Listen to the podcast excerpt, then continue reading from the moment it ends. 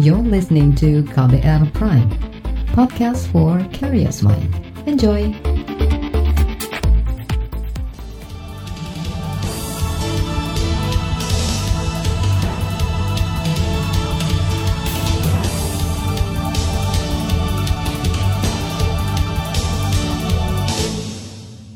Selamat pagi saudara, kembali kami menyapa Anda pagi hari ini melalui program Buletin Pagi edisi Rabu 10 Juni 2020 bersama saya, Reski Mesanto. Sejumlah informasi terkini telah kami siapkan untuk Anda, di antaranya proses pendaftaran peserta didik baru atau PPDB jalan terus di tengah wabah virus corona. Jumlah kasus positif COVID-19 di Indonesia bertambah 1000 orang, rekor terbanyak dalam sehari, dan Kabupaten Magetan siap buka kembali tempat wisata. Saudara inilah Buletin Pagi selengkapnya. Terbaru di Buletin Pagi.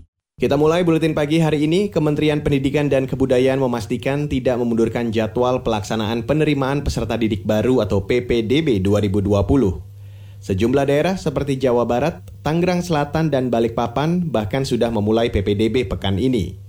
Kementerian Pendidikan dan Kebudayaan atau Kemendikbud saat ini masih menggodok tata pelaksanaan pendaftaran siswa baru.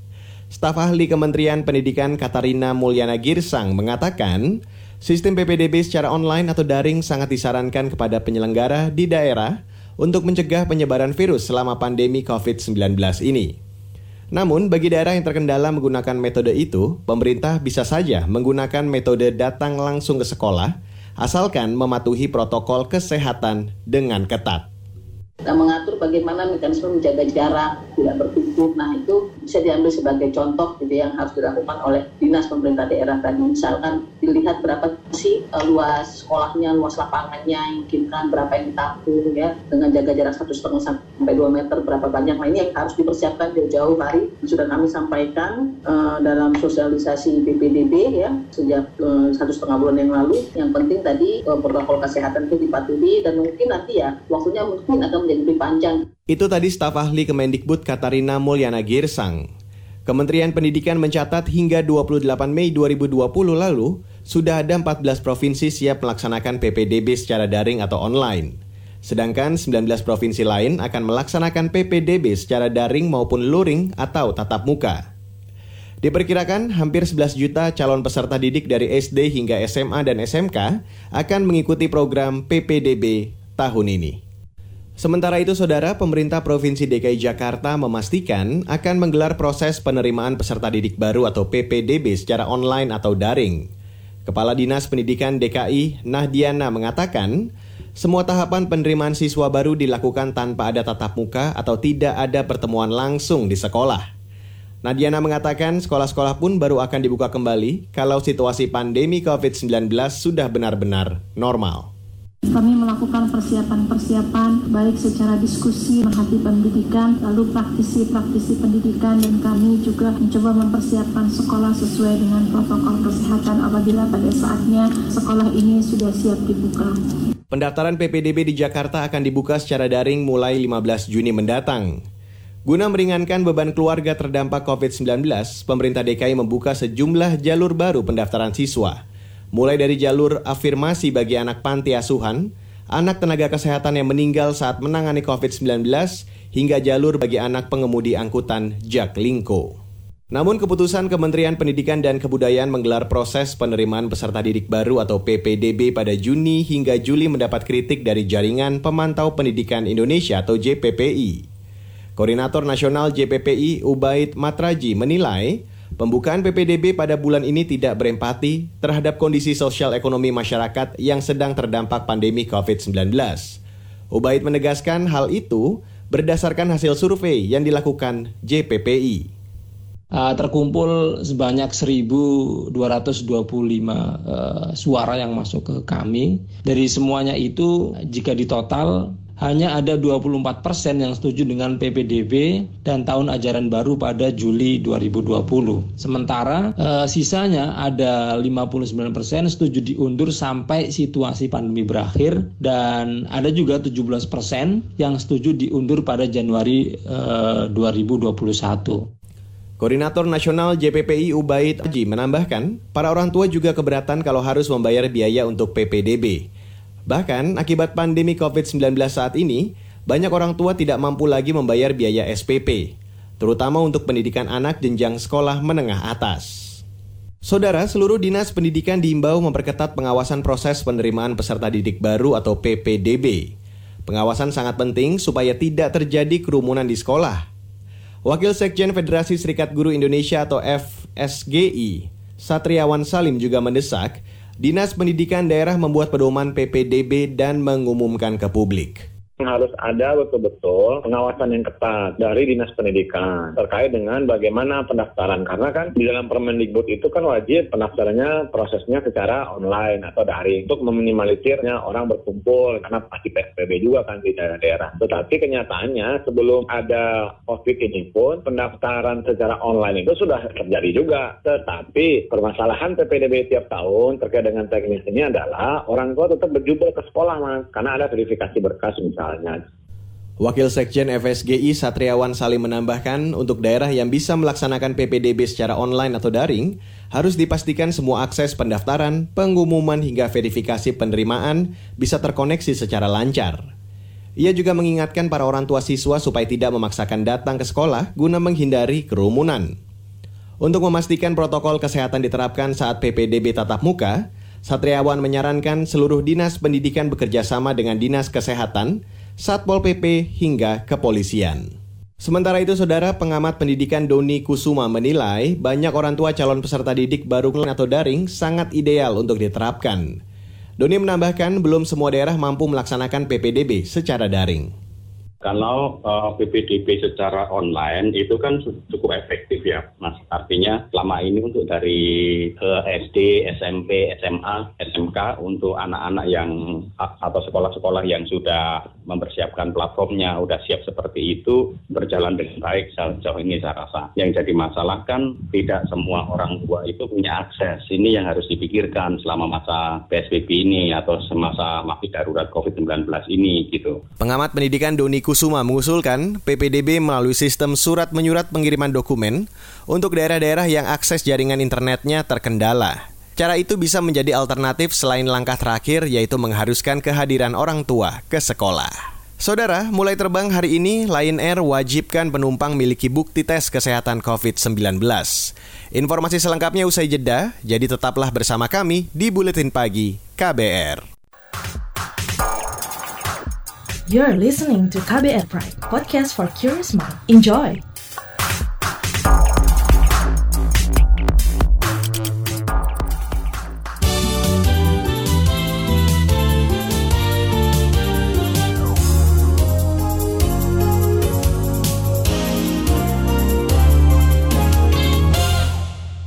Saudara, Anda sedang mendengarkan buletin pagi yang dipersembahkan oleh kantor Berita Radio Siaran KBR mengudara melalui lebih dari 500 radio jaringan di Nusantara. Jumlah kasus baru positif COVID-19 menembus angka tertinggi dalam sehari terakhir. Juru bicara pemerintah untuk penanganan COVID-19, Ahmad Yuryanto, mengatakan, dalam 24 jam terakhir ada tambahan lebih dari 1.000 orang. Tambahan terbanyak berasal dari Jakarta. Total, hingga kini kasus positif COVID-19 di Indonesia mencapai 33.000 orang lebih. Total spesimen yang sudah kita periksa adalah sebanyak 429.161 spesimen. Dari hasil ini kita dapatkan jumlah konfirmasi COVID-19 yang positif sebanyak 1.043. Tentunya jumlah ini sebarannya tidak merata di seluruh Indonesia. Sebagai contoh, sebaran terbanyak yang kita dapatkan pada hari ini adalah di Provinsi DKI Jakarta sebanyak 232 kasus baru. Juru bicara pemerintah untuk penanganan COVID-19 Ahmad Yuryanto mengatakan, peningkatan kasus baru dengan sebaran terbanyak terjadi di DKI Jakarta mencapai lebih dari 230 kasus baru. Disusul Jawa Timur yang mencapai 220 kasus baru serta Sulawesi Selatan yang bertambah 180 kasus baru. Sedangkan kasus pasien yang sembuh dari penyakit COVID-19 total di Indonesia sebanyak 11.400 orang. Saudara, lebih dari 9.000 desa hingga saat ini belum bisa menyalurkan bantuan langsung tunai atau BLT yang bersumber dari dana desa. Menteri Desa, Pembangunan Daerah Tertinggal dan Transmigrasi Abdul Halim Iskandar mengatakan, Hingga Senin kemarin, desa yang menyalurkan BLT dana desa sekitar 87 persen atau lebih dari 61 ribu desa. Sementara sekitar 9 ribu desa mengalami masalah dana belum masuk rekening kas desa. Nah, dana desa yang belum masuk rekening kas desa itu ada tor. Yang pertama, status dalam pembahasan di Kemendagri. Misalnya kasus ada satu bentuk temuan, kabupaten menempatkan dia sebagai desa, tapi Kemendagri memutuskan dia sebagai kelurahan. Ini yang kemudian posisinya menjadi tidak jelas, mau dapat dana desa apa dana kelurahan, karena hitungannya beda-beda. Menteri Desa Abdul Halim Iskandar menambahkan, Faktor lain yang menghambat penyaluran BLT dana desa antara lain karena bencana banjir, kondisi geografi warga yang sulit hingga karena kepala desa terpapar COVID-19. Pada awal Mei lalu, Presiden Joko Widodo memerintahkan Menteri Sosial dan Menteri Desa mempercepat penyaluran dana bantuan langsung tunai atau BLT kepada warga miskin dan terdampak COVID-19. Pemerintah menyalurkan BLT dana desa senilai Rp600.000 selama 3 bulan hingga Juni 2020 Kemudian tiga bulan berikutnya senilai Rp300 ribu rupiah. Saudara, kita beralih ke informasi bursa saham, di mana indeks harga saham gabungan atau IHSG yang sempat berada pada zona hijau pada pembukaan awal perdagangan kemarin, ditutup memerah pada sesi penutupan perdagangan sore. Analis dari Bahana Sekuritas Muhammad Wafi menilai, pelonggaran PSBB di masa transisi sempat memunculkan indikasi positif bagi pasar bursa.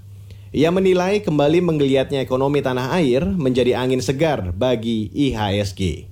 Dalam kaitannya saat ini tentu kan ketika terjadi pelonggaran eh, PSBB misalkan di DKI dengan dibukanya uh, diberlakukan kembali roda perekonomian tentu itu berdampak positif juga dan jika suatu saat uh, misalkan terjadi lagi kenaikan yang cukup signifikan dari uh, penyebaran dari COVID-19 terus tiba-tiba pemerintah memutuskan memperlakukan lagi uh, PSBB-nya tentu ini akan menjadi dampak atau sentimen negatif juga terhadap market.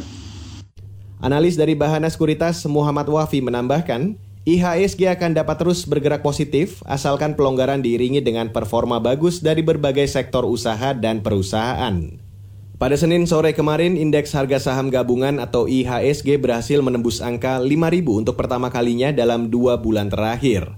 Penguatan mencapai 2,4 persen. Namun, kemarin indeks bursa kembali melemah meski posisinya masih di atas 5.000.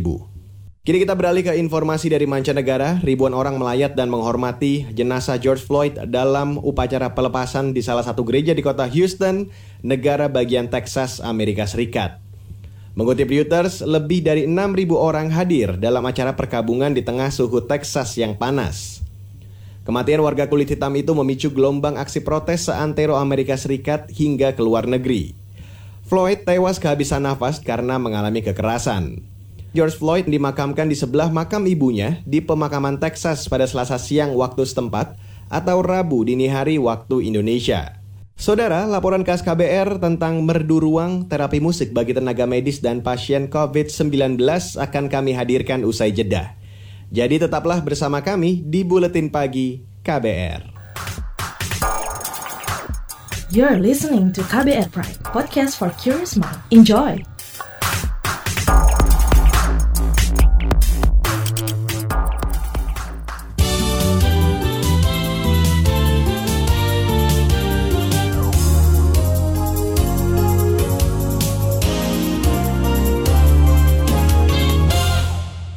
Terima kasih Anda masih terus mendengarkan Buletin Pagi yang dipersembahkan oleh kantor Berita Radio bersama saya, Reski Mesanto. Sekarang saya mau ajak Anda untuk mendengarkan laporan khas KBR tentang merdu ruang terapi musik bagi tenaga medis dan pasien COVID-19. Saudara, krisis COVID-19 menyulut keprihatinan para pekerja seni di Yogyakarta. Mereka menginisiasi merdu ruang atau meruang yang fokus pada terapi musik bagi tenaga medis dan pasien COVID-19. Racikan melodi relaksasi itu menjadi salah satu bentuk dukungan moral bagi perjuangan melawan corona. Simak laporan tim KBR yang akan dibacakan Dwi Renjani.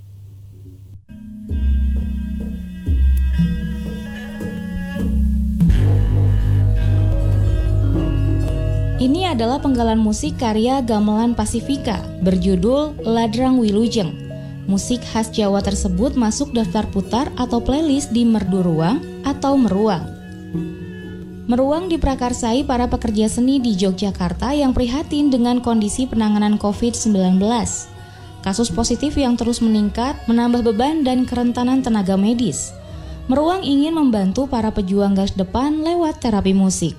Salah satu inisiator Meruang, Fenty Wijayanti musik itu bisa dimanfaatkan sebagai bentuk terapi, digunakan sebagai bentuk treatment atau terapi secara psikis, di mana tim medis memiliki load kerja yang sangat tinggi. Ada kasus bahwa masih banyak rumah sakit atau rumah sakit yang ditunjuk oleh pemerintah yang ditugaskan untuk menjadi rumah sakit rujukan itu kan tidak memiliki kesiapan selain teknis juga sistem gitu. Nah kemudian load kerjanya yang gila-gilaan, maka dari itu kita sasar adalah tim medis karena pada saat itu kan memang pada bulan Maret itu juga dokter dan perawat sendiri menjadi korban yang sangat rentan ya. Selain tenaga medis, Meruang juga meracik beragam musik relaksasi untuk pasien yang tengah berjuang menaklukkan virus.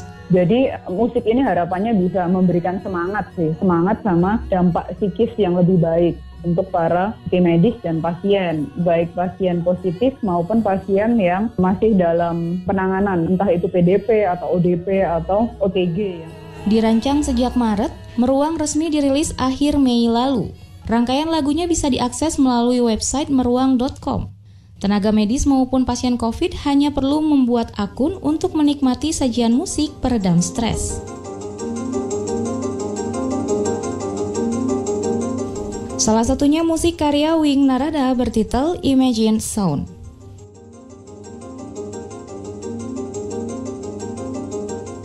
Menurut Lailani Hermiasi, inisiator Meruang, karakter lagu yang dipilih sebagai terapi musik sudah dikonsultasikan dengan pakar. Uh, semuanya tergantung preferensi musikal orang juga. Tapi musik yang kami sajikan di sini itu yang kira-kira itu temponya itu tenang dan uh, melodinya itu juga membawa orang untuk berada dalam mood yang positif. Jadi terkhusus kalau dalam situasi COVID ini yang kami lakukan semacam ingin mem memberi tambahan opsi untuk orang mencari cara untuk sembuh gitulah mensituasikan kondisi psikis mereka untuk lebih tenang sehingga langkah-langkah menuju sembuh itu bisa dicapai dengan lebih optimal daripada ketika mereka berada dalam kondisi mental yang negatif, yang stres misalnya. Lani yang juga dikenal dengan nama panggung Frau menyebut Meruang telah menyiapkan aneka musik di daftar putar Tenaga medis dan pasien bisa memilih lagu sesuai selera. Orang yang ingin mendengarkan itu bisa mendengarkannya pada waktu-waktu yang kami resepkan gitu ya kira-kiranya ya. Kalau misalnya mereka adalah seorang pasien yang bisa mendengarkan yang dalam uh, playlist-playlist yang itu, kemudian ada pilihan mendengarkan di pagi hari, siang hari, sore hari, atau malam hari. Selain itu juga ada pilihan preferensi musik, misalnya ada yang lebih suka karawitan Jawa, bisa mendengarkan yang karawitan Jawa. Kalau misalnya suka elektronik, bisa mendengarkan elektronik. Meruang sudah banyak diperkenalkan ke rumah sakit maupun tenaga medis di banyak daerah. Namun, Fenty mengakui akses di pelosok sering terhambat jaringan internet. Solusinya, Meruang mendistribusikan daftar putar musik terapi lewat diska lepas atau flash disk. Dengan cara mengirim flash disk, itu udah kami lakukan. Kemarin sih yang minta ada tiga tempat sih. Tanggapannya semuanya positif sih dari yang respon-respon yang saya dengar kayak gitu. Masyarakat yang ingin mendukung Meruang bisa membantu lewat donasi uang maupun flash disk. Tapi kalau masyarakat lain mau berkontribusi dengan donasi uang dengan cara transfer atau menyumbang mendonasikan flash disk yang tidak terpakai itu bisa. Caranya itu bisa mengunjungi web kami. Di sana ada bagaimana cara masyarakat luas untuk berkontribusi, kemudian di situ bagaimana cara penggunaannya. Harapannya sih kalau misal udah diakses uh, bisa disebarkan sih. Mungkin harapannya itu dulu karena sebenarnya kan kami inisiatifnya memang inisiatif bersama ya dan non profit. Demikian laporan tim KBR, saya Dwi Renjani. Saudara, informasi daerah sesaat lagi akan kami sajikan, jadi tetaplah bersama kami di Buletin Pagi KBR. You're listening to KBR Pride, podcast for curious mind. Enjoy!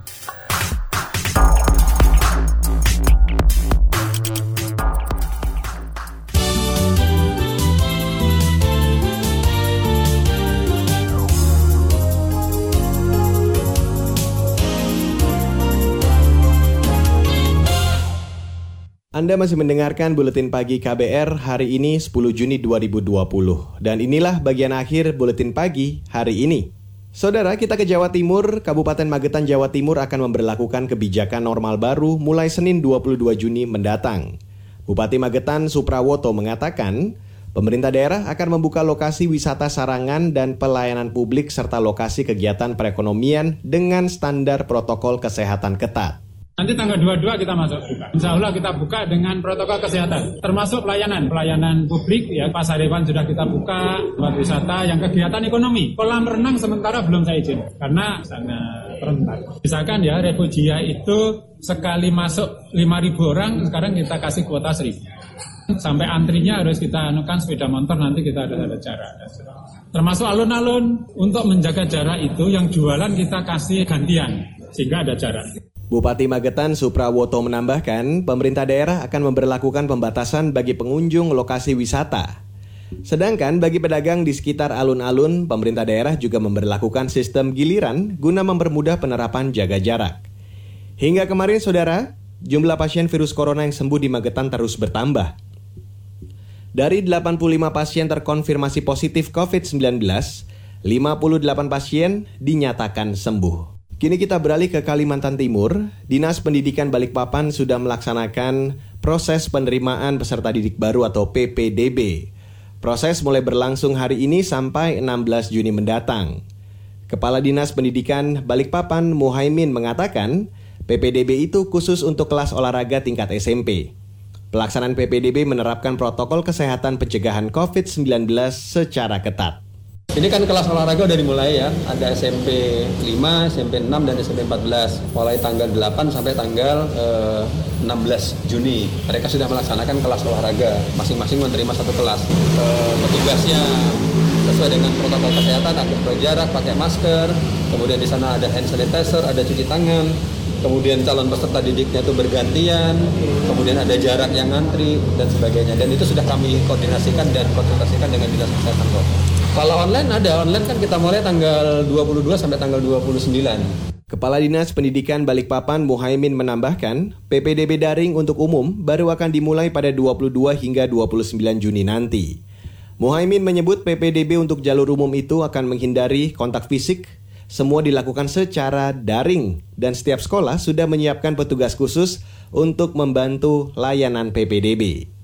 Saudara, saya ajak Anda ke Papua. Pemerintah Kota Jayapura menyatakan belum siap menerapkan tatanan normal baru di tengah pandemi COVID-19. Wakil Wali Kota Rustan Saru mengatakan, jumlah kasus COVID-19 di Jayapura mencapai 530-an kasus. Rustan memprediksi jumlah itu akan terus bertambah sehingga tatanan normal baru masih belum akan dipertimbangkan. Wakil Wali Kota Jayapura Rustan Saru menambahkan, penerapan tatanan normal baru harus memenuhi banyak kriteria, baik dari kajian epidemiologi, kesiapan layanan sistem kesehatan, dan jumlah kasus. Menurut Rustan, Jayapura belum memenuhi tiga syarat itu. Saudara, informasi tadi menutup jumpa kita pagi hari ini di Buletin Pagi. Pantau juga informasi terbaru melalui kabar baru melalui website kbr.id, Twitter kami at berita KBR, serta podcast melalui kbrprime.id. Akhirnya saya, Reski Mesanto, kami undur diri. Salam.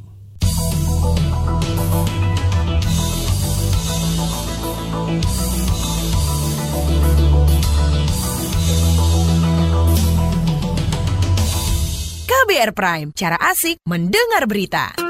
KBR Prime, podcast for curious mind.